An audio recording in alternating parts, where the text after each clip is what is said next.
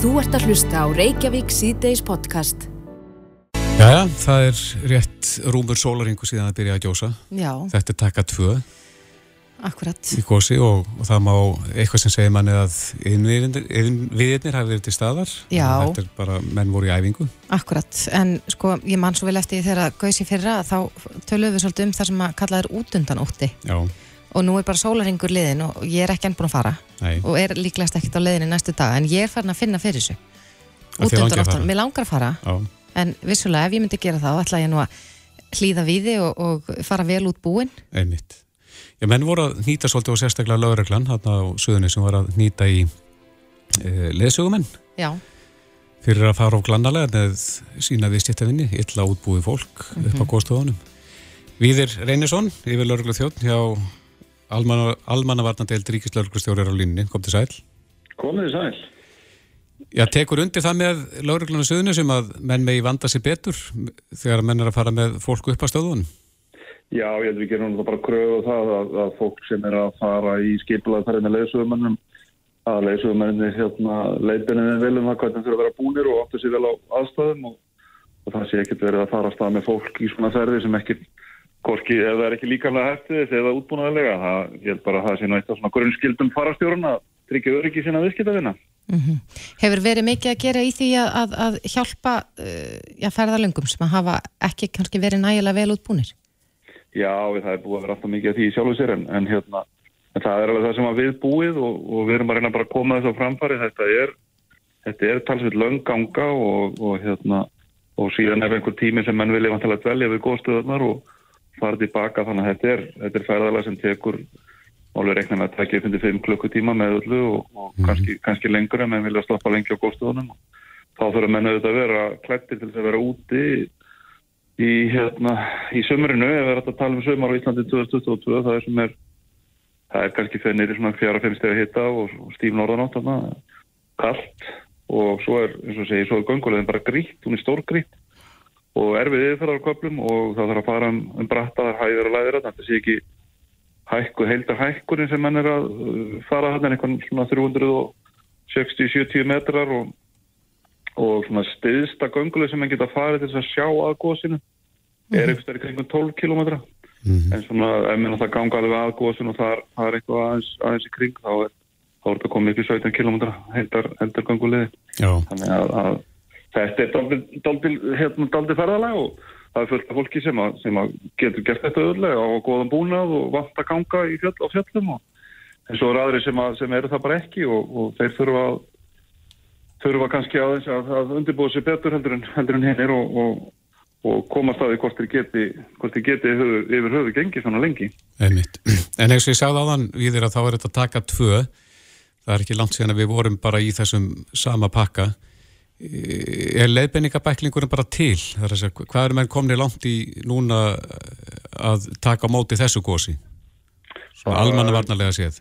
Já, við vorum bara vel undir búin og þetta er búin að vera búast við þessu og svo, sérstaklega síðustu dagana þá vorum við, við vorum bara búin að fara vel yfir okkar plön og þetta fór allt saman bara í gangi eins og smörði vel og, og engin hökar á því sem ég veitum allavega og, og síðan er bara þegar að staðsendingin var þekkt og við sáum hvernig göngulegin var þá, þá var strax farið það að, að skoða að finna leiðir og það hefur verið að að merkja og, og leiðina fólki það er leið. Þannig að það er síðan eru, er hinn þátturinn sem er í svona gósi er, er gasmengunin og, og við erum búin að vera hætti með, með veðrið eh, varandi það, það, það hefur ekkert sapnast ekkert saman eða liggur ekki yfir byggð og það hefur verið að fjölga gasmælum og setja út uh, búnað sem að við vorum búin að taka niður sem að sem þólur ítla að vera lengi úti. Þannig að, að hérna, það er bara að vinna í því á fullu þessa dagana og, og, og hérna, við erum búin að busta reykið á svona þau viðvörunni kerfi sem vorum að koma okkur upp varandi gasmengun og, og hérna, allir að leggjast á eitt í því sem, að, sem tengjast þeim svona þessum loftgerðumálum eins og umhverjastofnun sem, að, sem á mæ, flesta mælitækin í byggð og, og síðan veðurstofa sem vaktar þetta fyrir okkur og lætur okkur vita að það er ekki út viðvaranir. Þannig að þetta er alltaf bara klárt. Mm Hver eru helstu verkefni hjá þér núna? Þú hlýtur að vera eins og talar um að vera í sambandi við veðurstofuna og stjórnvöld og, og, og vera með góða yfir sín yfir þetta.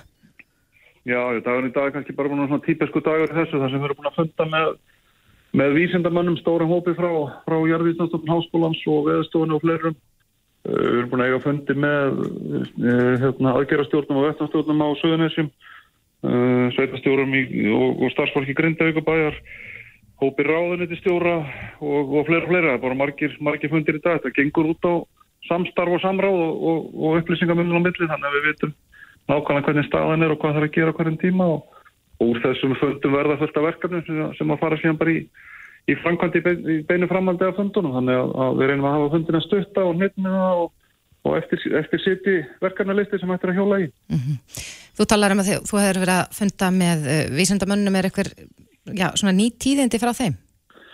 Nei, ég sjálf sér ekki. Þetta er bara, þetta er hérna, góðsig heldur áfram, svona, menn, menn svona ræða hvort það sé aðeins minni kraftur í því eða, eða, eða ekki. Það er svona eðli þessara góðsa skilsmir að kraftur er mingar eitthvað aðeins eftir, eftir byrjununa og síðan helst hann kannski stöður frá því. Þannig að við erum kannski komin bara í, í þann, þann ganga góðsig verðið með þessum mæti stöðut og, og mann svona sínist á myndavilum að þetta er svona heldur að draga sér saman í hugsanlega tvo gíga mm -hmm.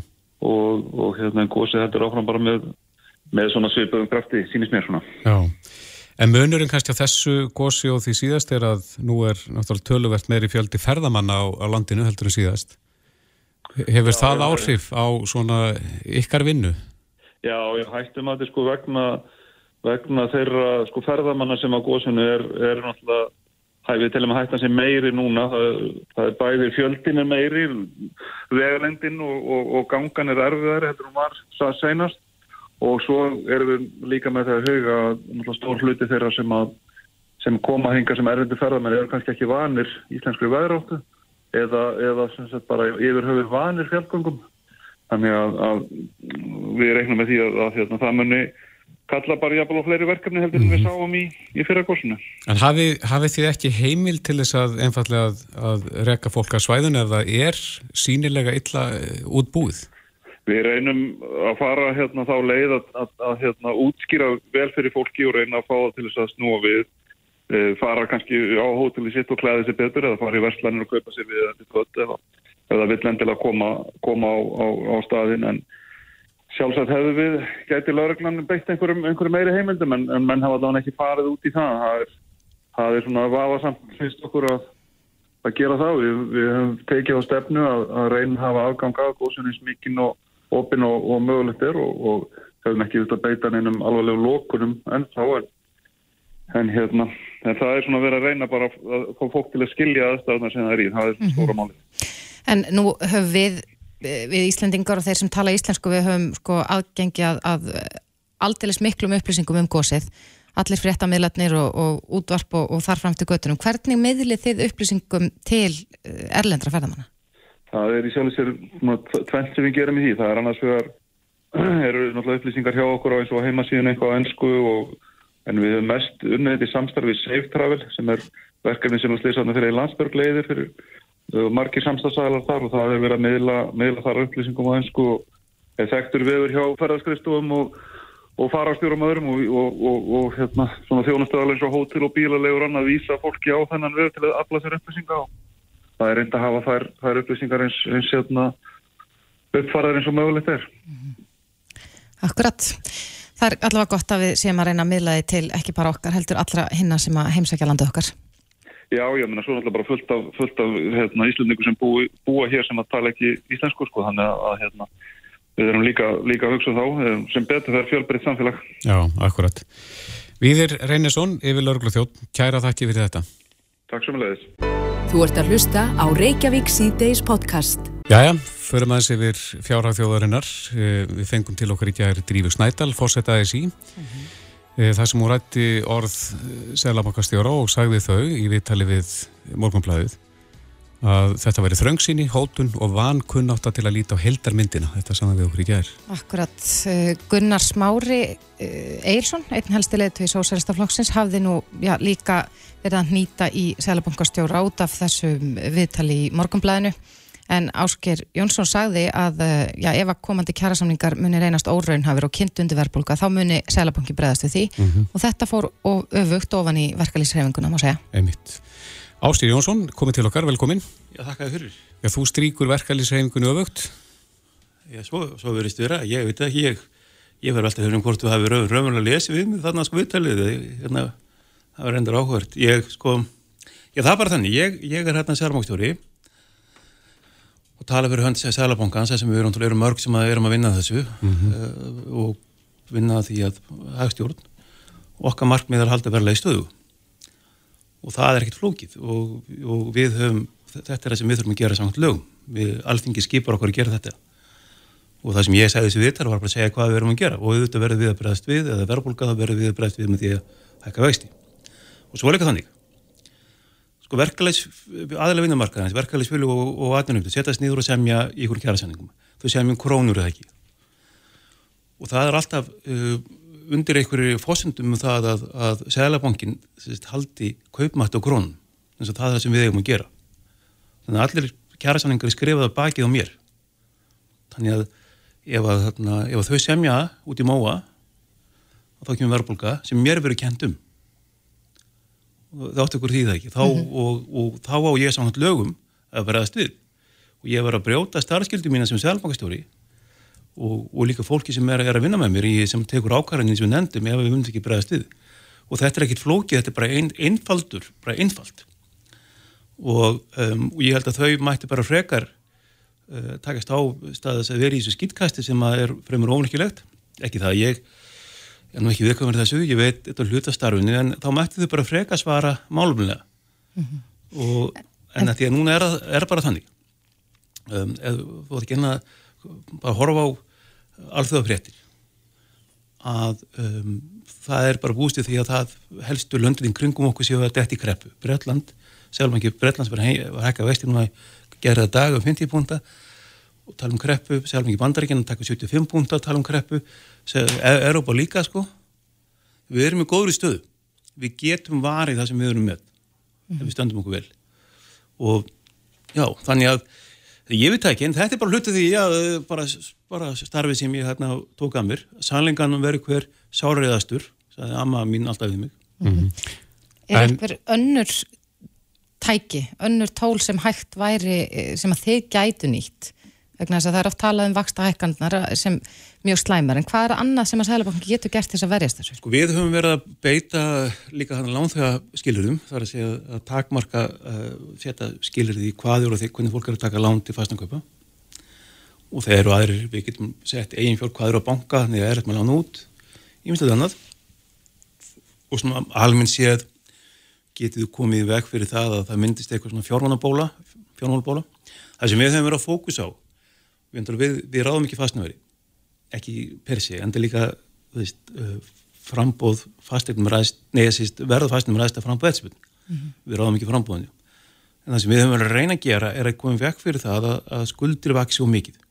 Og okkur hefur hefnast að halda skuldum heimilana sem hlutu allar ástofantekjum í 150% uh, sem er mjög mikilvægt að því að þarna, hvað sem líður fastnaverið þá bara getur mála fólk lendi ekki skuldu andra og við, og þess að bera verkefæli fyrir eins og mikla ábyrg en ef, ef þau ta, alltaf fara uh, bara búið til verðbólku hvetjandi samninga sem dæmi að það myndir leiða til þess að það kemur verðbólka og eða út með verðtil lán eða út húsjandi og, og verðtil lán og þá bara leiðir til þess að þú bara, bara bara skuldin þín að vaksa en saman tíma líka með, við óvertrið þá verðum við að hækka vexti þessi bregðstið þannig að, þannig að gæfulöysir kjærasáningar geta skapað mikil lána vandræði og fastnamarkaði mm -hmm. og það ábyrðið þessa fólks er gríðarlega mikil og þess vegna í þeirra spórum myndi ég velja aðeins orðum mín þegar þau eru að tala og það er alltaf, virðist vera bara gefið að, að þeir eru semja að, að Sælabanki standi baki til, til, til, til þess að verja verði í gældmiðlisins. Ef verðbólka fyrir bandunum, það getur yngum mál hvort það sé sami 5, 10, 20, 30% launahækun, það kemur engin kaupmáttur.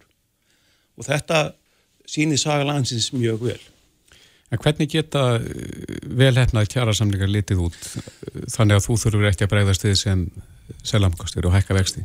Sko ég, sko ég ganlega velhæfnað kjærasamlingar er það að, að um, og það myndist eitthvað skonar samfélag skilningur því hvað er þetta að gera um, um, ég með í, í hvað góður stöðu við erum Ísland þráttur allt á hef ég alveg trúið því að við getum sótt fram. Ekki með henni við erum nánið verðbólgunni. Ég er vonað það að við getum gert það uh, vonandi ekki og, og, og langum tíma. Um, ég meina ég nefnum sem dæmi það var að sjá lengri kjærasáning það sem var í gert ráð fyrir því kjæraböðinu kemur að setjanlutan sem dæmi. Mm -hmm. og að því að, að því ég byrjaði ferilinn sjálfur í verkefæðsýringunni ég var hagfræðingur hjá honum Guðmundi í Aka, hérna Guðmundsinni hérna dagsbrún og hérna tók, tók þátt í alls konar aðgerðum þá þannig að hérna Þannig að þú stílu kannski hugsunar áttin það nynni? Já, ég vil að Íslandska þjóðin hafi sem allra best og hæstlöðin og, og best lífskjör það er alveg hreinu, það er mitt markmið En það næst ekki enn til með krónutöluhækun? Já, ég minna það næst allavega ekki með gífurirðum allavega, en það, nei, en það skiptir mál hvernig gert. Og líka það verður að horfa svo ég hermi orð uh, fósita aðeins í uppváðan sjálfa menn verður að horfa heildu myndina. Krónutöluhækana sem leiða til verbulgu, vastahækana og síðan vandraða fastnamarkaði, það hafa einhver þýðingu. Mm -hmm. og að um, og það skiptir líka, líka miklu máli að, að Sælabanki getur ekki hort til tekiskiptingar um, við, við verðum bara að taka heldamöndin en, en það er náttúrulega hægt að breyðast við með sem hætti til þess að komið vekk fyrir það að verðblokkan lendi á þeim sem, að, sem eru tekjulegstir eða, eða, eða koma vest við. Eins og hvað? Já, bara um, um, bara hvernig er, er, er, er hugað að, að, að, að Eh, millifæslum með kollega við, við um, Sælabankin náttúrulega vill að það sé að segla inn í útgjöldum. En við höfum sín alveg skilningu því ef, ef það þarf að berðast við hjálpað okkur um hópum og við höfum alveg, alveg skilningu því þannig að þetta er velfærakerfi hluti af hagkjörun okkar mm -hmm. mm. En, en nú hefur líka verið talað um það að, að, sko, eins og þetta sem þú nefnir, að, að þetta er eitthvað verkefni sem að stjórnvöld þurft að taka að sér Já. og svo talaði Drífars Nætali gærum það að já, til þess að ná meira jafnbægi á, á fastegnumarkaði væri jafnvel hægt að takmarka það hversu margar eignir fólk geti átt vegna þess að, að fjársterkir aðlar er að sópa upp uh, eignirnar á markaðnum en þetta er allt verkefni stjórnvalda en ekki sælabankurs. Ætti verkefnisreifingir frekar að beina spjótur sínum að þeim? Sko ég held nú reyndar ekki, sko, hækkanir á fastnaverði undanferð hafi ekki verið reknar áfram því ég skil ekki hvernig það kemur, en þess að ég hef ekki séð, séð sko neyn gögn sem stiði það að fjórtverkir aðalega hefur sópið begnum núna hins í síður ár. Það var eilitið áranum eftir hún. Þá, þá, þá voru fjórtverkir aðalega að kaupa egnir og leiðar út. Um, þetta er sem ég hef séð. Mm -hmm. Meðal annars að nota þá um, já, og hérna við hefum ekki séð undir en það er líka þannig að leigu er sko, verður svo hátt að þetta er ekki þetta er ekki orðin góður fjárhættingkostur þannig. Þannig ég held að það sé bara ekki, sé bara ekki sagt sko. en sko en, en það var eitthvað sem stjórnum þetta hugum það er ekki það sem við getum byrjunins gert. Það sem við höfum verið að reyna að gera er að reyna að koma vekk fyrir það að eins og þess fyrstu kaupundur að bara, bara reyna einhvern veginn að aðeins að ráða unga fólki frá því að fara inn á markaðina og allt á hóverði mm -hmm. en þú veist að veit í það. Ég og, og Sælabankinni líka. Við veitum það að, að sko, leið og við legg, það er alveg hægt að því núna til að leið og við leggjumst á fastna lánamarkaðin og fólk getur ekki tekið lán til þess að köpa sér eignir þá bara hækka legan og þannig að við getum ekki bröðstu því. Og, og, og að því að vandamál er það að það, skortir húsnaði eitthvað liti mm -hmm. en sko og einnig það líka að við höfum alveg skilningu því að að ég um, sko ég hefði á, á fjármálumarkaði að, að, að ílunavextir hafa ekki verið að bregðast nægilega við vastahækkunum okkar við, þó við viljum útlunavextir bankunni hækkis, þá viljum við líka að ílunavextir hækki líka það hefur ekki gerst og ég held að það sé bara uh, ákveð töf en um, En er það þá viðskiptabankarnir sem er að tefja það eða ekki bregðast við því? Þeir eru ekki bregðast við því mm. en ég held að það mun breytast Akkurat. og það er þessi gaggrinni sem, sem að aðri hafa komið með með það að Sælabanki væri að að fóra þarna fjármála hínur sem, mm -hmm. sem eru sem er endal fyndið. En þarna en sko en, þarna, og vel, vel orðið komast um einhverju leiti við, við viljum það auðvitað ekki. Við, við, við viljum líka að þau sem eiga sparnað eins og eldra fólk að það, það er ekki gaman að sjá sparnað brenna. Þannig að við viljum líka sjá ílunarvextir hækka þannig að fólk geti fengið öruga áhustun mm -hmm. og en þarna við, við eins og var höfum ekki tækið þess að bregðast alveg því sko. Nei, þyr, þyrstu að fá þau tæki? Jú, nei, ég minna það er til okkur að um, um, við hérna, alltaf gera allt sko. En um, ég tel að það muni gerast, ég tel að um, sko fjármálkerðu í Íslandi eftir hrun hefur engist að því að það hefur verið mjög mikið fjármagninn í böngunum mikið lausa fyrir, það er núna aðeins sem við séum að það, við sjáum að það er aðeins að þetta ræða saman.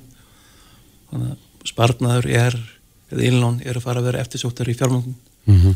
líka það sem gerðist hann á árunum og COVID árunum var það að fólk gæti ekki eitt peningum, gæti ekki þetta útlanda þannig að það innlán jökust að fólk læði peningin í banka mjög mikið þannig að innlán jökust mjög mikið þegar bankan er fylgst stóltið peningum hann að minna COVID-inu meðan faraldinu stóð og núna fólk að eða peningunum eins og sjáum í útlandum og annars mm -hmm. þar þannig að það leður til þess að, að, að sko, bankarnir fara held í bráðum að finna fyrir því að, að bara þarna í lónastappin er að minga sko. Já, vantar pening í bankan.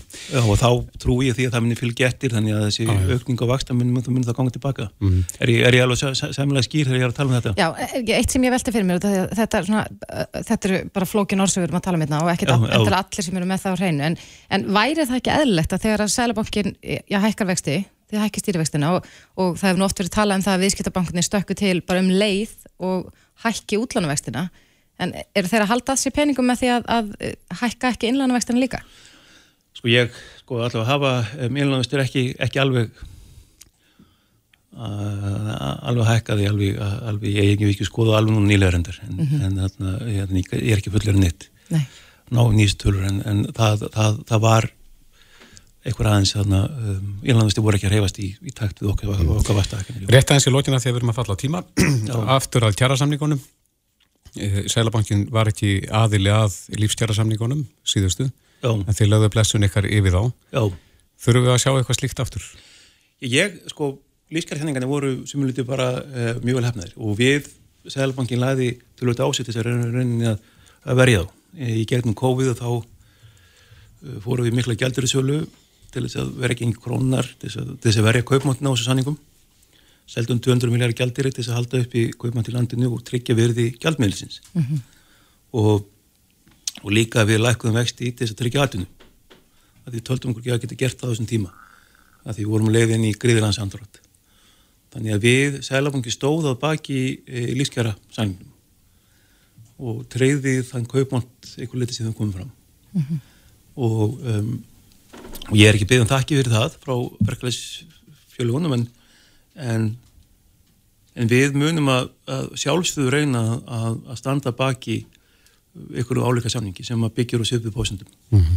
og, og svo fyrir utan það að, en eins og að svo ég bara segja lókum, þetta er svolítið bara eðlug hluti að fólk tjáu sér í fjölmjölum, það hafa allir sín ég, það, það hafa allir ólút hlutverk, ég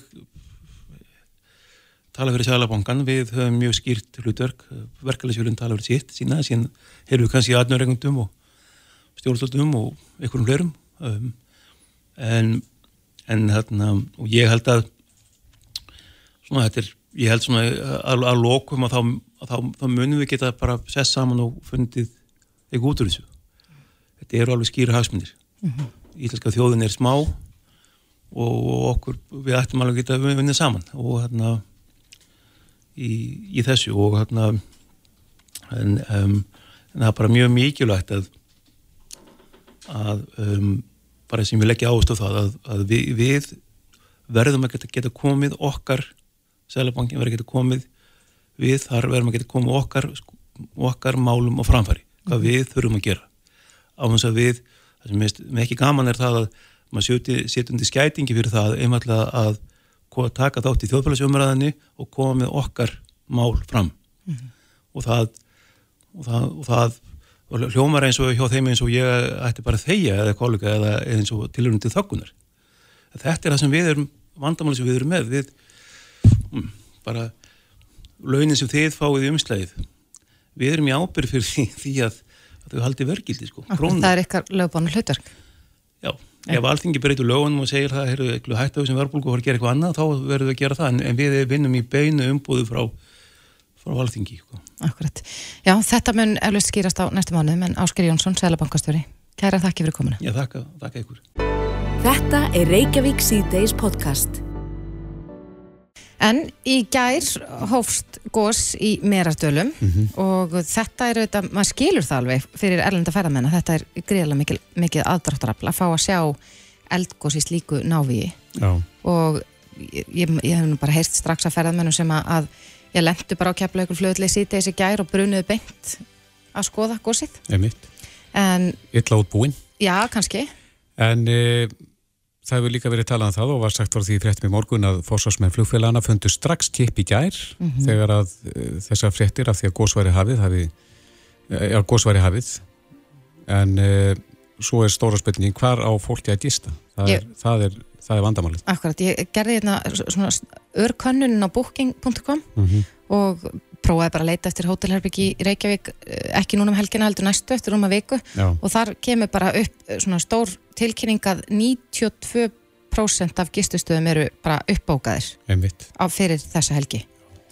Á línunni er eh, Kristófur Óliðsson sem er formaður félagsfyrirtækja í hótel og gisti þjónustu, kom til sæl Já, sælveri. Já, það er eðlilegt að þessi spurt hvar eiga þessi ferðamenn sem að hinga vilja koma, hvar eiga að gista?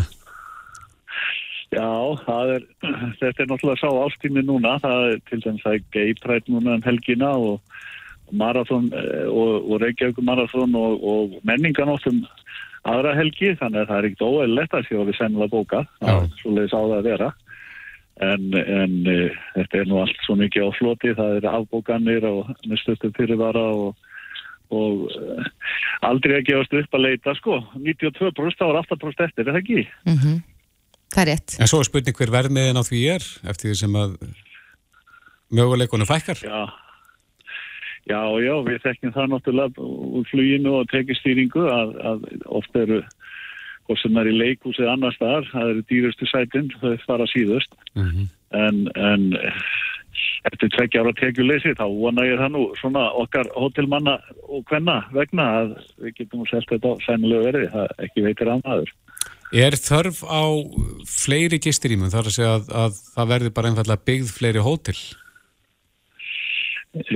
Sko það er alltaf, það kom alltaf dagar þar sem að er, er, er, er hérna, er upphantað og það verður svoleiðis og hefur alltaf verið svoleiðis. En e, núna held ég að menn séu, það hefur bæst mikið við í Reykjavík, það hefur ekki bæst mjög mikið við út á landi.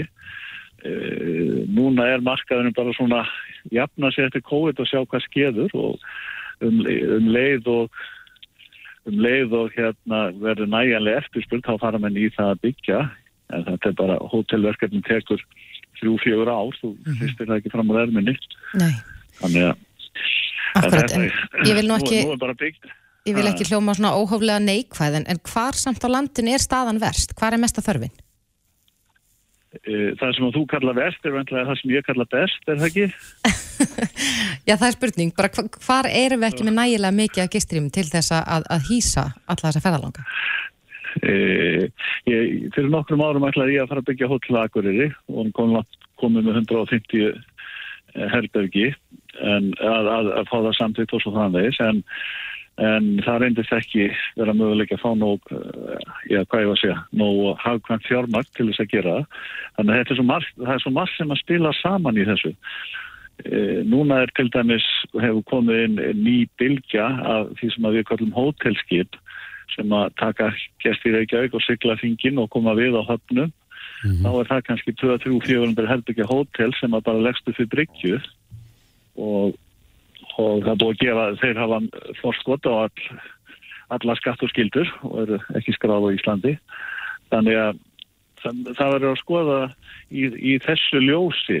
Og svo er annað fyrirbæri sem við kallum skuggahagkerfið ef að, að önnur hver íbúð er komin í, í hótelrekstur þá er það aldrei forsendur fyrir uppbyggingu það þarf nefnilega að vera smá skortur og eftirsturn til þess að mann treystir sig að fara í svona dýrverkefni þetta, þetta kostar ekki lítið að byggja hótel. En þú segir að, og nefnir þessi fljótandi hótel sem að uh, hafa litla skildur og, og borga ekki skatta hér á Íslandi, þarf að jafna þá stöðu? það er algjörð for, forgangsverkefni í, í bransanum sko, að það er að jafna þessa stöðu. Það bæði gagvart íbúðagistingunni og sumarhúsagistingunni. Þetta er allt saman undan því sköttum sem að við erum að borga og, og meðan að þessi staða er uppi þá er náttúrulega miklu þingra að fara í svona dýrverkefni sérstaklega út á landi. Það er, það er, það er misjátt, sko, í Reykjavík er komin heilsársbísnis og á Söðurlandi en ef við ætlum að byggja upp heilsársbísnis út á landi þá þarf að, þá þarf að gefa mannum tækifæri til þess.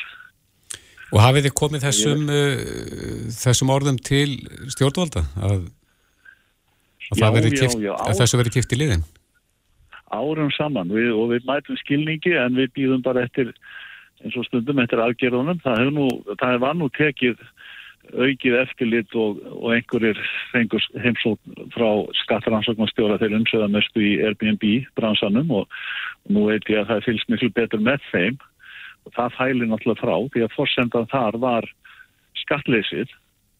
Og ef að menn eru teknir að, að brjóta þessi lög, þessa 90 dagar reglu sem náttúrulega allt og, allt og langt finnst okkur að það, þetta er eins og vertíðin er víða út á landi, það er 90 dagar og, og, og svo er lítið eftirlit með hvað fólk heldur ákvæmlega lengi. Þannig að það er þetta sem að, er þetta sem að tröfla okkur og þetta eru sko forsendur sem þarf að laga og ef að, að það tekst þá er hægt að opna ný, þetta er eins og að finna ný fiskimið þegar þegar er hægt að opna ný svæði eins og núna kannski að vera farið að fljúa á norður og austurland þá hjálpast þetta allt að þannig að það er hægt að fara í uppbyggingu.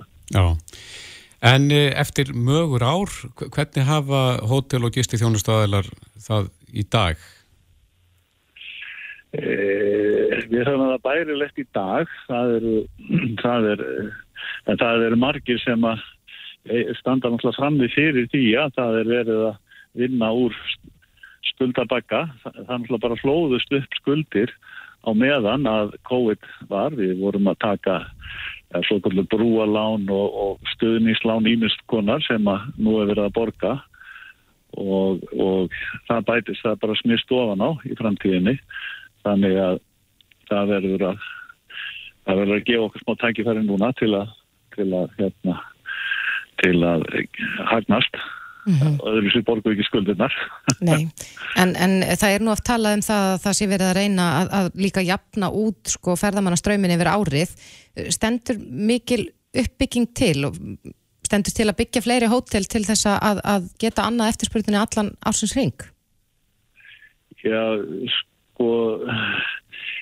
það er, það er líka hægt að stýra þessum með verðum að það er, við þurfum alltaf að býða að og af okkur svolítið þessa íbúða gisting og það sem að láta það fyllast, þanga til að við getum farið að koma inn að fullum funga en, en e, það er eins og er núna þá erum en ekki held ég að sko þá er ekki mikill áhugi í, í böngunum að fara að byggja mikið á, á hótelum það er bara svo stað uppi núna menn sjá náttúrulega að það þarf að reynsa eins til fyrst að það er farið að byggja meira.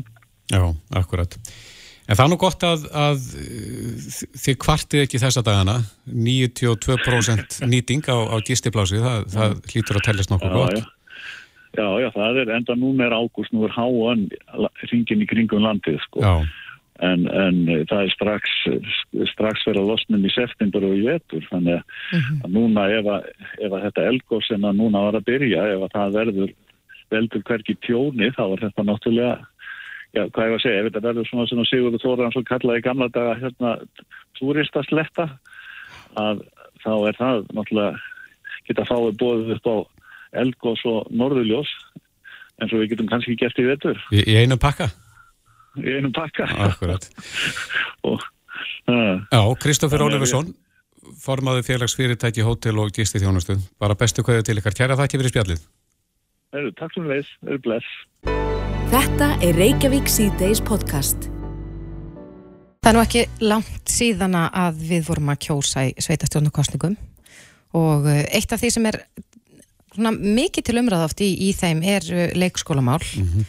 og eh, ég held að, að já, öruglega bara allir flokkarnir hafi lofað börnum plássi við 12 mánu aldur og það hefur verið gert lengi, núverandi meirluti eða ekki núverandi meirluti, heldur meirlutin sem var áður sem hefur núna fengið uh, liðstyrk mm -hmm.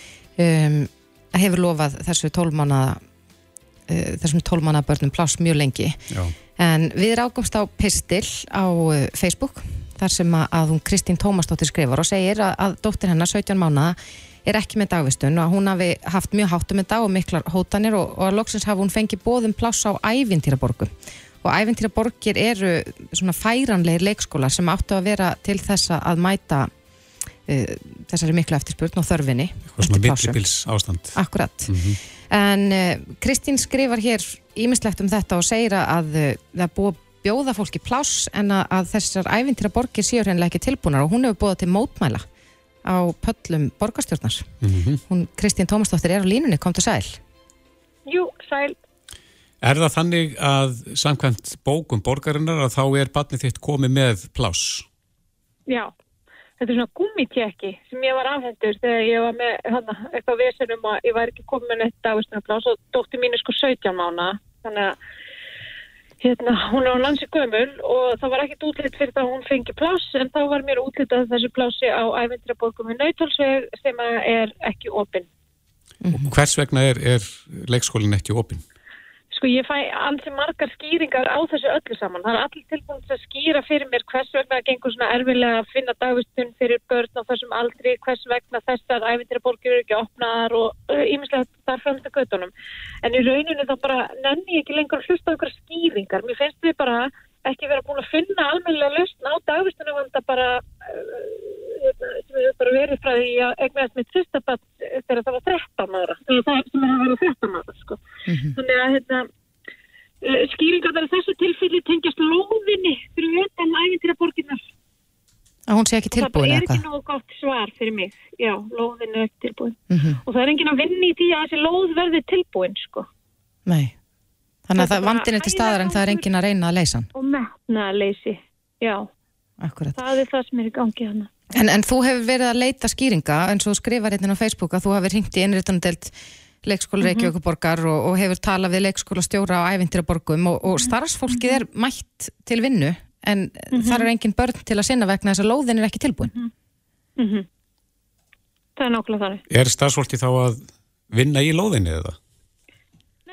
það er ekki að vinna í loðinni og það er ekki ennþá komin verktæki til að vinna í loðinni og mér finnst þetta einhvern veginn vera bara svo ofbóstlega mikill hægagangur og sko það, það er svo mikil örvænting í fóreldrum, ekki bara mér, heldur bara mjög stórum hópi fólks af hérna ungbarnafóreldrum sem er ekki með dagvistun og það, veist, það verður til svo mikil örvænting að við skiljum ekki af hverju það er ekki bara hundra manns á vegum borgarinnar að vinna í því að klára þessa lóð. Mm En í staðin eigum við að skilja, það er skýringar að þetta getur bara tekið sinn tíma og það þarf bara að finna út úr þessu og það verður ekki hægt aðlega neinn börn þarna fyrir í oktober og við eigum bara að skilja það. Og ég skil það kannski að einhverju leiti, en samt ekki, en ég hef samt enga dagvistun fyrir barnið mitt fram í oktober og það er ágúst. En Kristín, veistu hversu mörg börn eru í sömu stöðu og barnið þitt?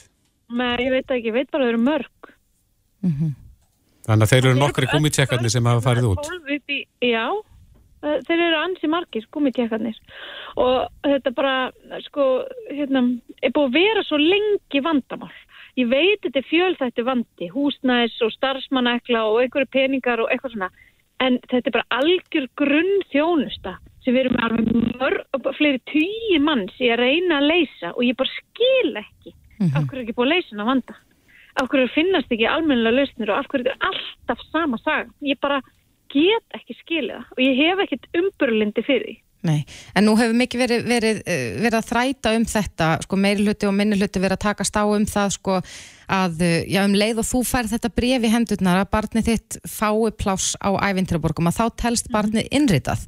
Er þetta ekki Já. bara síndarmennska eða hvað? Jú, gúmitjekki eins og ég segi. Barnið mitt er allavega ekki komið neina dagvistun. Það er ekki að segja hvenar. Og öll óvisa veldur kvíða hjá fólki, sérstaklega með svona mál. Sko. Þú veist, það er ekki að gefa mér neina full vissu um að, að hún verður aðlöguð 14. oktober. Það myndi kannski breyta einhverju pínulitlu fyrir mig.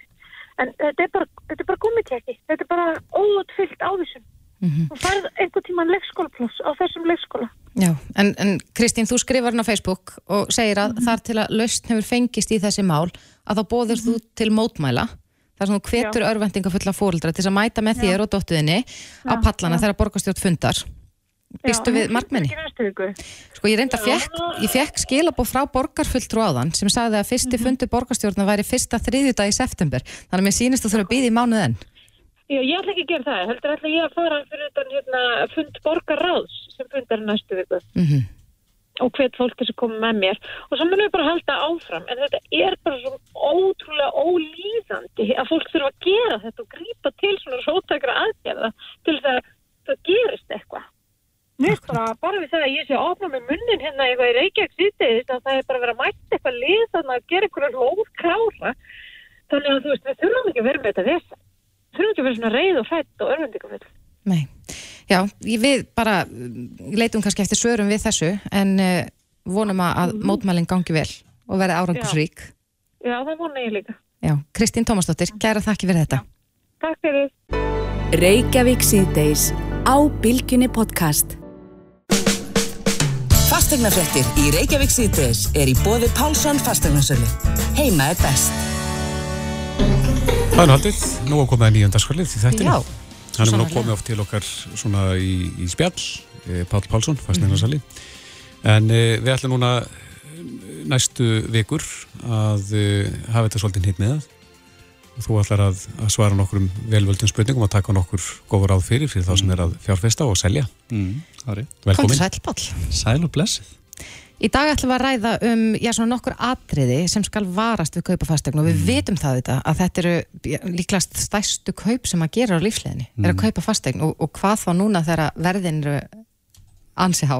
Já, og líka það að oft hefur fólki fundist vantar einhverju svona upplýsingar um hvernig maður að bera sig af. Mm Veist maður, við gerum þetta meðaltali í sjösunum yfir æfni eitthvað sluðis og fólki hefur svona vantar svona, svona grunnþekkingu á bara hvernig ná að kaupa fastegn og hvað á að passa sig og hvað að hafa í huga og svo framvegis. Ég hef nú keft fleiri neina fastegn á lífsleginni og ég man eftir því að sko, ég var alltaf bara með pappa minn á línunni. Mm. Pappi, hvað á ég að gera? Hvernig á ég að hegða mér? Hvað, hvað á ég að skoða? Mm Sem En er það mjög gott. skiptir miklu máli Já, að það er skoða. bara mjög gott. En það er ekki allir með slíkna pappa. Nei. Þannig að, Það er eh, þannig. að þú ætlar að fara yfir fjögur atriðið það ekki, þannig að það er kannski Ég- ákveðt að punta það niður fyrir þá sem eru að, í þessum hugleggingum. Já, ég tók sko, auðvitað er þetta miklu, miklu fleiri atrið. Ég Já. tók svona fjögur helstu atriðin, svona sem ég myndi hafa svona bakveðirað. Þannig að sko, ef að byrja númer fjögur, bara svona eitthvað einfalt. Sko, þegar fólk er að leita á netinu og skoða eignir, að þá er fólk rosalega oft fljótt að dæma eignir út frá myndum, út frá verði oft á tíðum eru eignir ofátt verðlegar, oft á tíðum eru lélega myndir og svo framvegis og útlokkar jafnvel það að skoða þessi eignir. Oft leynast tækifæri akkurat í þessum eignum, ekki útlokkað og það kemur ekki til staðin fyrir að mæta staðin og fá svolítið tilfinninguna fyrir eigninni og svo þegar búið að skoða þá er rosalega gott að fara bara hreinlega heim og sofa þess á því. Og ef að eignin öskrar á mann ennþá daginn eftir að mann er langar í hana þá maður að ekki hika við að fara að gera tilbúð En eftir að- hverja fólk þá að fara? Þetta er nú stór atriði þegar fólk er að leita, það, er að, Já. það eru myndir og verð. það er lefnilega eitt af þessum atrið sem ég kem að eftir. Það er sko þessi ákveðna verðvitund sem að ég hérna um að reyna að átta sig á því. Og það er óslulega gott fyrir kaupendur að hugsa svolítið í fermetraverði þegar þeir eru að kaupa og það eru til verkvari og það er nú þetta er liðu tvö, ef við ykkur bara kallan lið þrjú, bara hoppum beint í hann. Endilega. að það eru nú verið sko að það eru verkfæri inn á þjóðskrá inn á skrá.is það sem þið getur séð meðalfermetra verð eftir stærðum og staðsendingu eftir, eftir hverfum og svo framvegis. Þannig að ef þið sjáu kannski einn auglista á OH verðu og kannski búin að vera tölvöld lengin á markaðanum að þá er tækifæri að kíkja og taka þá rökræðana við þá seljandan og við þann fastinarsala byggt á upplýsingum sem þið getur sótt ykkur sjálf með meðalfermendraverð eins líka inn á keldan.is þetta er aðgengilegt öllum. Þar er þetta sjá bara alla kaupsamninga þar getið þið séð bara nákvæmlega hvað seldist eign í götinu í liðin á okkur það er tiltunum nýtilkomið, þessar upplýsingar sé aðgengileg fyrir almenning en það er mjög sniðut að vera undirbúin og vera svona nokkurn veginn og reynu hvað meðalfermetra verði í hlýðunum sem dæmi að þið vera að leita þar og hafa svolítið svona vera svolítið vel undirbúin það og hafa þessa góðu verðvitund Já, maður gæti lendi í klíði ef að, ef að já, eignir sett á 100 miljónir og, og svo sérðu að, að sambarlega eign var selda á 85 deginum áður Akkurat. að þá gætir um mögulega bóðið með nýjana og, og fengið það hagstara verð. Þannig ertu komin í aðra samningstöð og mögulega líka ertu að koma í veg fyrir það og sérst að frá ofgreða fyrir eign. En þó þessi til dæmi og ég man eftir því í 2014-15 það flutti einn aðeins til Íslands var búin að spila sem aðtunumæri fótbollta elendis og hann sá einbílusús sem hann langaði að kaupa. Og það hefðu aldrei eignir á þessum stað selst yfir 80 miljónir og þessi seljandi vildi fá hátt upp í 90 miljónir, gat fengið hann 85 og hann hugsaði með sér, ok, það skiptir ekki máli, ég ætla að vera þetta næstu 20 ár þessi sama eignir er kannski ykkur stjórn 150-200 miljónir í dag mm -hmm. en á þeim tíma, akkurat þennan greitti fyrir þessa eign, þá raunum veru ofgreitan fyrir eignina mm -hmm. og ég rála hann um það, ég leta hann vita að því og hann var mjög meðvitað um það og hann sagði bara, ok, það skiptir kannski ekki máli að því ég ætla að vera þarna svona langa tíma mm -hmm. en ef mér ætla að vera stuttan tíma þá er líka, er svo aðstæða og svo staða, raunverulegti staðar að menn geta ofgreitt fyrir eignir en menn er ekki vel undirbúin. Hvers er það að, að verðleitja íbúðina og hengja verðmiðan á? Sko, á endanum þá er það alltaf seljandin sjálfur sem ákveður það. Fastegnasalar eru sérfræðingar en við erum í vinnu þegar kemur að verðlæningu fyrir seljandan mm -hmm. og fastegnasalar ráðleggja yfirleitt ákveðið ásett verð miðað við ákveðna sögu það er að segja bara ákveði fermetraður í hverjunu sambarilega sölu og svo framvis koma með ráðleggingu en oft á tíðum kemur seljendur og segir nei, heyrðu, ég ætla að fá ég vil þetta sé sett á hana mm -hmm. og ef að viðbröðun eru lítil til að byrja með, fáir í opna húsi og, og búin að vera kannski einhvern fjóra til átta vikunarmarkaði þá má fara rauk fyrir því hugsanlega að viðkomandi hafi verið verlaður út á markan og það er oft tækifæri fyrir kaupanda. Mm -hmm. Þess að samningstæðin þín sem kaupandi er mjög ólík eftir því hvort þú sért að bjóða mot einhverjum öðrum eða hvort þú sért einna bjóða í ákveðna fastegn. Akkurat. Eitt Þannig. af því sem myndist á áðan var, var af dæmi ekki endilega af myndum mm. en, en getur það ekki líka maður getur eiginlega snúið því dæmi við og það mjögst mjög algengt að maður skoða fastegnauðlýsingar og það var allt tekið með einhverjum geggjum viðleinsum og það virkar allt rosalega stórt og flott og svo kemur og skoðar og þá verður fyrir vombrið. Já það hlýtur að vera slæmt það, fyrir seljandan er það er mjög slæmt, það, það er alls ekki gott en þetta getur einmitt virkað báðar áttir þú getur alveg fengið rosalega myndir og myndir eru miklu fallir heldur en raunverða regnin og síni kannski ekki rétt stærður ímónum og svo framvegis. Og þú verður fyrir vonbröðum vegna þess að þú verður að myndirna verða samt að standast væntingar. Mm -hmm. en þetta getur virkað bæði í báðar áttir. Þú veist, ef þú sér slæmarmyndir með ljótum húsgögnum, gömlum húsgögnum að menn hugsa að þetta er bara alltaf ljótt. Veist, ég ætla ekki eins og að skoða þetta. Mm -hmm eða í hináttina, það koma margir að skoða en það hefur líka gæst að, að eignin er með oflottum myndum og það kom ekki tilbúð. Fólk er búin að ímynda sig að herbyggja að vera minni eða starri og svo framvegis Já, hefur það fyrir okkur upp listan? Herðu já um, sko um, annað sem að fólk verður að hafa í huga sem ég mæli með er að skoða nóg maður upplifir ofta fólk skoða bara eina, tvær taka svo ákvörðun og finnst það mm -hmm. verið að missa af einhverju málega það bara, það er aldrei síðast eignin að koma markaðin og það er oft gott að bera sér saman við 5 og allt upp í 15 eignir áður en við erum að teku loka ákvörðun vissulega koma tímabilið eins og hafa verið þar sem að hraðin er greiðilega mjög mikil og þart að geta tekið ákvörðið mér hratt mm -hmm. en alls ekki upplifa, ég hef oft upplifað það og fólk sem fær ekki eignin á, fólk sem hefur gert tilbóð það verður fyrir svo miklu vonbriðum að því að það halda þetta síðan mögulega síðast eignin. Mm -hmm. Svo hittum maður kannski fólk setna meir og þá var það búið að koma sér fyrir í jafnveg öðrum stað og var raun og svo feið að hitt bara hafa ekki gengið eftir. Já. Það þau svo ánað á nýja staðnum. Þannig að það er allt í lagi að skoða 5-10 eignir raun og veru áður og tekur ákvörðin nákvæmlega hvað þú vilt. Mm -hmm. Fólk er ofta að skoða of lítið og fáar eignir áður að tekur raun og veru loka ákvörðin. En frettaflutningur auðvitað gefur oft í kynna að það sé svo rosalega mikil skortur þannig að fólk er kannski að drífa sig við það að bara kaupa eitthvað. Samála, já já. En Sústa, það mun alltaf koma fleiri eignir. Það mun alltaf, kemur alltaf önnur eign. Þú veist, það er alltaf, það kemur alltaf eins og bara núna að ég spái því ágúst að við munum sjá fyrsta skipti mjög langa tíma þar sem yfir þúsund eignir á höfuborgarsvæðinu á sama tíma þar hafa verið bara 2400 í mjög langan tíma, bara enga regnir á markaðan. Mm -hmm. þó við þurfum að sjá 2000-2500 eignar markaðanum en, en eins og ástandi hefur verið síðustu tvö ár þá skilum við þess aðstæðu en það þýðir ekkert að vera svektir ef maður missir einhver eign. Nei. það er bara eitthvað annað betra að býða mann Að þessi hraði verður kannski líka til þess að eignir er að seljast á yfirverði. yfir auglýstu verði. Mm markaður en endanum borgar alltaf rétt verð. Og stundum gera fastinarsalega mistöku verðleikina reynilega of látt og hún selst á 5 eða 10 miljónum yfir eins og marg oft hefur heyrt um að þá á endanum var það, það bara rétt verð sem markaðum var til að greiða á þeim tímabundi Hvert eru við komin á listanum? Herðu, við höfum breytt eftir Já. Ok, sem er, Er mögulega- það er mikilvægasta Já. sko. um, það er að skoða þegar maður skoðar eignina þú veist, það fólk oft á tíðum kemur, skoðar, lappar út og bara líst vel eða illa á ég segi alltaf, þú ert ekki búin að skoða fastegn, við erum búin að gera þrend það er að segja skoða eignina innan taka eitt, eitt röldi ringi kringum húsið uh, skoða múrverk, glugga, þakant.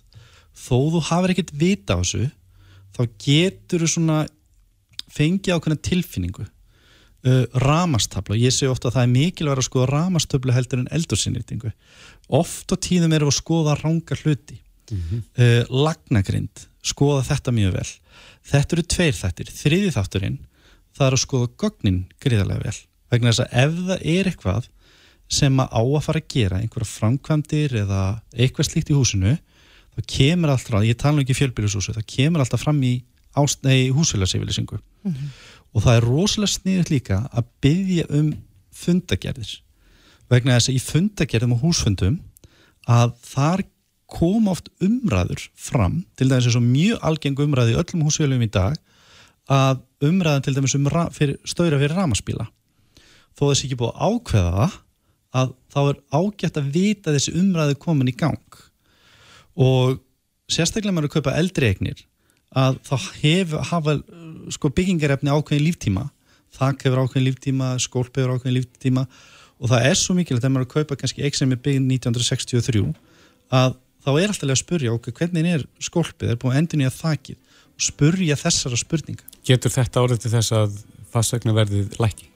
það getur gert það en þá er líka sko bæði það að ef það kemur í ljós að það er eitthvað sem er að og þarf að gera þá sjálfsögðu tekið tillitið þessin í verði. En þá ert allavega búin að fyrirbyggja það að eitthvað komið og óvart til að loksins flytur inn í eignina. Svo er allir búið til húsfundar og þá allir að fara í rándýra framkvæmdir þannig að En er það ekki, er það ekki skilta seljandars að upplýsa um slíkt? upplýsingaskildan er gríðarlega mikilvæg og þetta er um, og það á upplýsum allt, allt slíkt en það er ekkert alltaf þannig. Og þess vegna er svo mikilvægt að spurjum þetta. Spurjum þessi atriði taka hring, kringum húsið skoða innan, þá fyrst ertu búin að skoða fasting Já, komist ekki lengra sinni, þetta eru mikilvæg atriði og uh, þú verður hér aftur á ferðin í næstu viku með, með, með eitthvað atriði, með eitthvað allt annað mál. Já, Pátt Pálsson, hjá Pálsson fastegnarsölu, kæra þakki fyrir kominu takk fyrir mig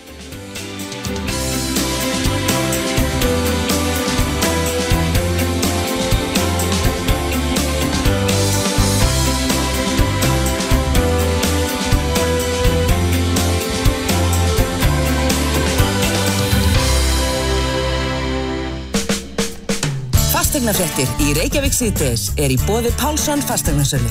Heima er best. Hlustaðu hvena sem er á Reykjavík C-Days podcast. Hins eginn dag er standiði núna og uh, það er svona margt í bóði á þessum dögum Algjörlega, svona vera stútfull lítið marg á dagskrá. Já, Akkurat. en uh, það er fæsla sem að vakti aðtikli okkar sem að tengist þessum dögum svona á ákveðin átt Já, þarna er kona að skrifa og hún er að skrifa, og hún nefnir sko greinina hinn hliðin á skápnum. Og, og þessi fyrirsögn vakti aðtekli mínu og ég sagði hvað allir sé verið að vísi þarna? En þarna er hún að segja frá uh, sinni reynslu að vera við hinn endan á skápnum. Það er að vera maki þess sem að kemur út úr skápnum. Einmitt. og þetta er hún Guðrún Lín Bragadóttir sem að skrifa greinina hjókunarfræðingur og hún er sest hérna hjá okkur, kom til sæl. Já, sæl. Þetta er, er eh, eitthvað sem að eflust margir tengja við. Við vitum það alveg að það eru mýmörg dæmi þess að fólk í hjónabandi kom út úr skápnum hvort sem það eru karlar eða konur. Hvað, eh, hver var svona þín reynsla af þessu? Uh, mín reynsla, það er kannski löng saga, sko, en Uh, ég man bara samt á sínu tíma þegar þetta gerist í okkur að þá leitaði ég mig mikið að eitthvað efni um einhverja sem hefði lendist líku eða hérna, og ég fann í rauninni ekkert á íslensku um það. Og hafði ekki kjarkin í mig til þess að fara að fyrrabræða að leita til einhverja sem ég vissi kannski að hefðu lendið í þessu. Nei. og já, þannig að þú veist og í þessari grein er ég bara svona aðeins að lýsa nokkrum punktum sem að hérna e, svona minni hlið á þessu. Og bara það, það vita það auðvitað allir það þarf kjark til þess að koma út úr skápnum og hvað þá þau ert í hjónabandi og átt börn og annað slíkt og svona fólk þekkir það að það á bara umvefja þann sko sem að gera það.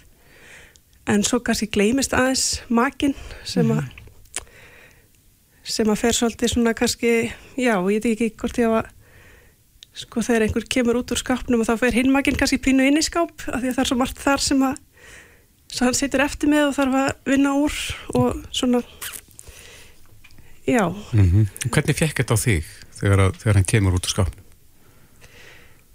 sko eins og ég segi í greininni þá var fyrst að segja sæði bara að þetta kemur ekki óvart. En, en samt finnst mér alltaf rosalega erfitt að svara þessa spurningu grunaði þetta aldrei? Af því það ef ég segi bara jú mig grunaði þetta rosalega mikið og ég bara ég vissi þetta eða eitthvað þá er það svo kjánalegt sko.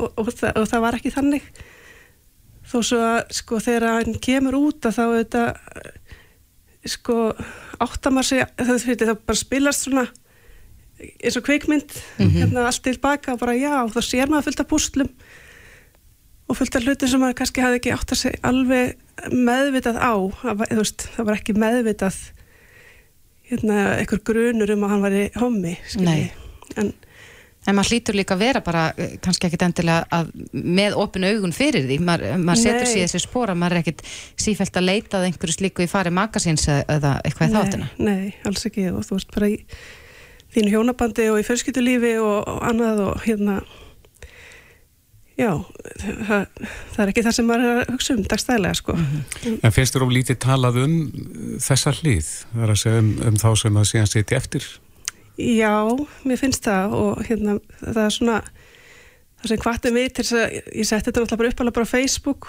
og fekk strax viðbröð frá fólki sem að uh, var í sömu spórum og bara takk fyrir og ég tengi allt sem þetta segja og svona og þá var ég bara ok, það er kannski bara, ég ætti kannski bara komið svo lengra.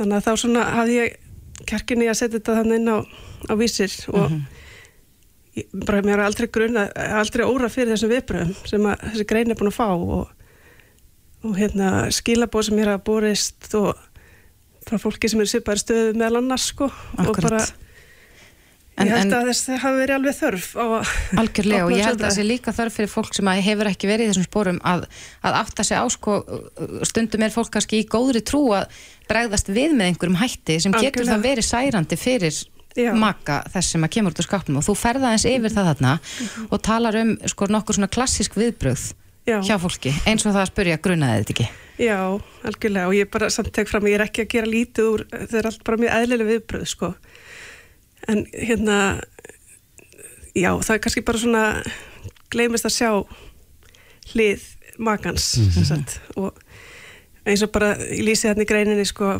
marg oft var bara vera óska til hamingju og, og svona já, kannski svona Semst fyrirvændi makaðinu þá. Já, og við erum kannski bara einhvers þar saman með börnin á fótboltaleik eða eitthvað og ég stend við liðin á honum og einhver kemur og bara því lítið óskon til hamingju og þú veist það er svo stendur kjánalegt já, já. það er svo svona, þannig, og ég er ekkert að gera lítið úr einu sem gerði það sko og var ekki sári yfir því, mér finnst bara svona ágætt að vekja aðtigli að svona opna þessa umræðu aðeins. Ef þetta fólk er eflust ekki að að reyna að vera særandi. Nei, nei, nei, heldur að bara svo, átta sko. sig ekki á stöðunni sem að, að þú ert í þó að það sé kannski já, alveg tilöfn til þess að óska einhverju til hamingi með að taka þetta skrefa, þá, þá er þetta samt ekki bara það. Já, já, algjörlega. Og ég meina ég sjálf stóð bara mjög þjætt við baki á honum og, og hérna, það, það er ekki máli sko, en hérna já, það kannski ég, allavega þegar í mínu tilfellu, ég held að sé oft þannig að þá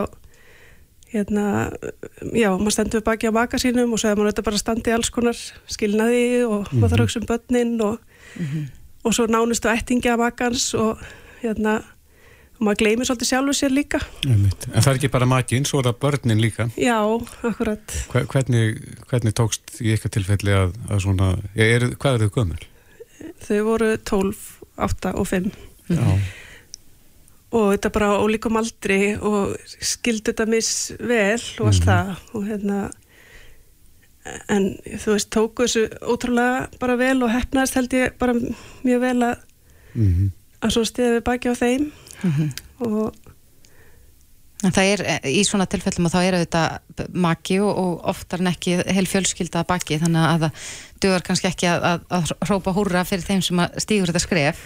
Nei, það er svona það er, som, það er allt annað eldur en þegar þú ert kannski 17 ára að koma út úr skápnum sko. Mhm.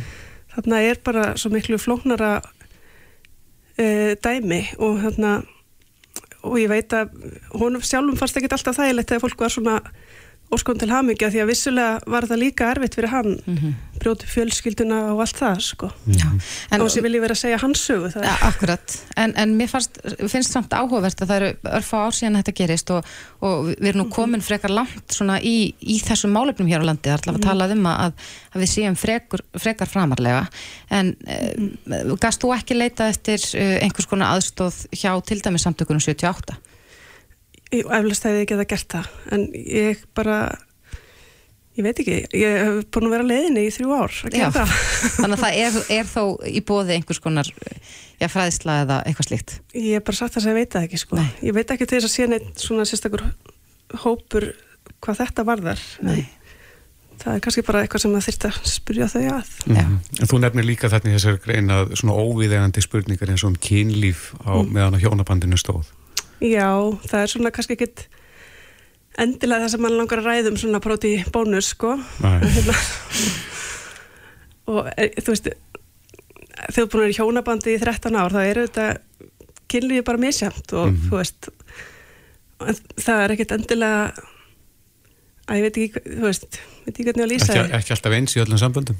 Nei, og allir hafa sín þú, þú, það getur líka bara verið einstaklismunur og líka bara kannski svolítið persónlegt þess að ræða um mjölkur, mjölkurkælin algjörlega sko. Það er, það er svona Já, en það er greinlegt að en, en þetta er eins og ég saði þetta náðan að þetta er, þetta er á, bara góð vitundavakning fyrir fólk sem að, að stendur frammi fyrir því að horfa upp á vinni eða vandamenn í þessari stöðu Já. að huga að hinnilhiðin á skápnum líka. Já, ég held það. Sé bara mikilvægt að, að hérna svona sjá, sjá allar hliðar í þessu Akkurat. Og þeir sem vilja kynna sér greinina eina, þeir geta fundið hann inn á vísi.is undir mm. heitinu hinn hliðin á skápnum. Guðrún Hlín Bradóttir, hjókunarfræðingur kærar þakki fyrir að koma og segja okkur eh, frá þessu Já, takk fyrir bara að bjóða mér Reykjavík síðdeis á Bilginni podcast. Alltaf gaman þegar að það er verið að starta ykkur nýju. Já, svo sannlega. Og það eru uh, alls ekkert mörg ár síðan að við sennilega höfðum ekki heyrt talað um mathallir en nú eru þær að spretta upp hér og þar. Já, og ein alveg glæni. Einalug glæni sem opnar á morgun Já. og þetta er Vera mathöll í húsinu Gróskunir í Vasmíri. Mhm. Hann er sestur í okkur, Björn Bræði Arnarsson sem að, að ég heldur utan um þetta. Hvað titluðu þig? Já, bara uh, heldur utanum þetta fínt, Já. bara eigandi og hérna framkvæmda stjóri. Já. Spennandi, þetta opnar á morgun. Já, rosalega spennandi, við erum búin að vera að vinna í þessu núna í bara já, eitt og allt ár og hérna og vorum með smakk í gær. Það voru svona í fyrsta skipti að, opna dyrnar fyrir, já, bara svona alveg stórum hópa fólki, mm komum alveg öruglega 300 manns og hérna og það var ótrúlega gaman að sjá líf og, og fólk í húsinu og allir að borða og elda og stuð og stemming. Þannig að það er mikil tillögun Já, er þessi matvöld eitthvað frábröðin öðrum? Uh, það eru þarna átta staðir, bara mjög fjölbreyttir og hérna, við svona lögðum svolítið upp með að, að, hérna, að þetta væri, þú upplýðir, svolítið bara eina heild, þetta væri svo komin og eitt stóran veitingastað og mér finnst okkur að við tekist rosa vel til með það að hérna, þetta er svona, er svona gó- góður heildar bragur yfir þessu en samt að þessir átta ólíku staðir njóti sín hver fyrir sig líka. Þannig að hérna, en, en þetta er náttúrulega þetta er svona bara sama konsept og, og, og bara fólk þekkir að hérna að bara hægt að panta á hvaða stað sem er og, og hérna og allir finna eitthvað í sitt hæfi og svo leis Þetta er svo skotelt fyrir fjölskyldu, ég þekki þetta bara sjálfur. Mhm. Það eru gikkir í allir fjölskyldu. Enginn kannski vill það nákvæmlega sama. Þannig að það er mjög gott að hafa úrvalið þegar maður kemur á svona stað Akkurat, og það eru, maður hefur líka tekið eftir því á þessum mathöllum sem við þekkjum að það eru oft svona söm, svolítið sömu staðirnir er það þannig þarna, erum við að sjá okkur að nýja staðir?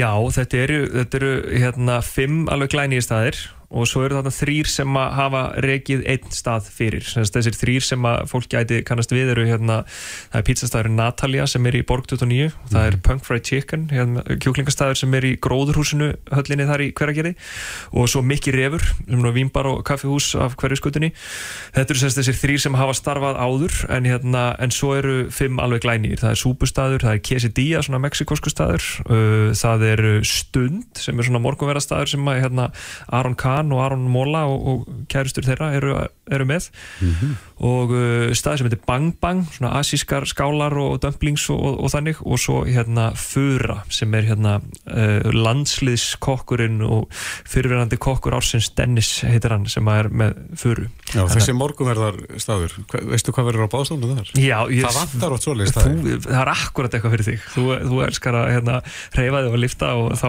þá er gott að koma á hérna, stund og það er sérst veist, það eru gröytar og, og skálar og, og, hérna, og búst og svo leiðis þau eru að gera einan gröytaleik alveg rosalega vel sko, svona bara havragröytar með, hérna, með rosalega skemmtilega toppings og einhverjum hérna, protein, snickersbitum og alls konar, ég, ég sjálfur alveg elska svona dótt sko, mm -hmm. einnig svona svo, svo mikið erlendis eins og í Danmörku það eru gröð og svona staðir sko. Mér er alveg sammálega að vantar það vantar svona sko hérna á Íslandi Já, en nú eru mathallirnar orðnar nokkrar bara hérna á höfuborgarsvæðinu og eins og þú sagðir á hveragerði og svo Selfossi sem að mhm. Kristófer mm -hmm. heimsækki stundum þannig að eh, verður þetta aldrei of mikið? Sko, þetta er bara mjög góð og gild spurning ég, ég myndi segja hérna að þú veist Þú, þú er samt aldrei pælt í þessu með veitingastæðir hvort er of margir veitingastæðir þetta er náttúrulega bara, þetta eru bara veitingastæðir sem er að starfa saman og hérna ég segi bara alls ekki, þetta er ótrúlega skemmtilegt þetta er ekstra formt skemmtilegt fyrir kúnan að, hérna, og, og bara gesti og gangandi að koma og geta valið úr ímsu og ég meina það hafa alltaf verið að opna týjir veitingastað á ári á, á Íslandi og, hérna, og matöll er bara nýtt og ótrúlega skemmtilegt form af því sko. Mm. og svo þess, þetta sem við erum að gera í Vasmíri við náttúrulega erum samt á mjög ólíkum stað sko, þú veist við það sem er að gerast á, á hinu stöðunum þannig að það er að opna það nýri miðbæ og svo erum við í borgatunni og, og, og víðar. En, hérna, en, en það er þetta er risa hópur sem að vinnur þarna og eru á háskólandi báðir og fjölmennar byggðir hlýðarendin og vestubærin og, og fleiri staðir og og Vassmýrin er svona eins og þetta er fjölmennt svæði þá hefur ekkert verið stórkvæmslega mikið í bóði af matana eða, eða, eða svona eða skemmtun eða þannig sko. Mm -hmm. en, en, en rosa mikil uppbygging og, og gróska á svæðinu sem er einmitt á húsinu. Akkurat. Já, ég held að þetta, þetta nýtur mikil að vinselda maður sér það bara, ég fer ofta á mathallir sérstaklega ef maður fara svona stór hópur saman Já. og einu með onam fyrir kvítlaug og hinn borðar ekki þetta og þá Já. bara fer maður þanga og allir fá sér sitt og allir eru sáttir. Ég líka bara sjálfur þannig ég, einhvern veginn, maður fer einhvert og grýpur sér eitthvað smá takk og svo fisk þarna eða hérna, gaman að blanda þessu saman og einmitt nákvæmlega og og, og valið eh, bara svona úr ímsu og allir finna eitthvað sér tæfa en svo er líka bara það er svo mikið líf og stemming í svona höllum sko, þegar, vel tekst til að hérna, þú hittir bara fullt af fólki og það er bara, það er, bara svona, það er líka svona stór partur af þessu að það sé bara stemming og gaman að vera. Það, það er svona markaður. Já, akkurat. En stendur eitthvað meira til að það í grósku? Uh, já, gróska náttúrulega bara húsið þetta er ótrúlega flott og spennandi og, hérna, og gaman fyrir okkur að koma með hérna, þessa matillana og svo erum við til hlýðar við hana að fara að opna viðbúrasal mm -hmm. sem að hérna, mun rúma svona ja, cirka 200 manns að sem er alveg svona fullkominn stærð fyrir bara gott upp í stand eða litla tónleika og veistlur og viðburði og, og við erum svona núna bara um leið og það er búið að opna matillina þá förum við að klára salin og mhm. hérna og þannig að það getur nýst svona saman við getum bæði verið með viðbyrju sem eru þú, veist, þú getur lappað á milli en svo líka hérna, sem er eitthvað lokað og, og, og selt inn á uppskritta góðu kvöldi að fá sér kvöldmatt og fara svo beint á uppistand. Ég myndi segja það, Já. það væri alveg fullkomið. Þetta er spennandi, þið opnaðu morgun í Grósku. Já, opnaðu átt í fyrirmálið þá kemur Kristófur í gröðin í morgumatt Já, Já. Svo kem ég um kvöldið í drikkin Já, þú kemur kvöldið í drikkin Ég veit, þannig að verðum held ég bara alveg opinn til 11 vana kvöld þannig að það verður bara hörkustemming allan daginn og um kvöldið. Til hann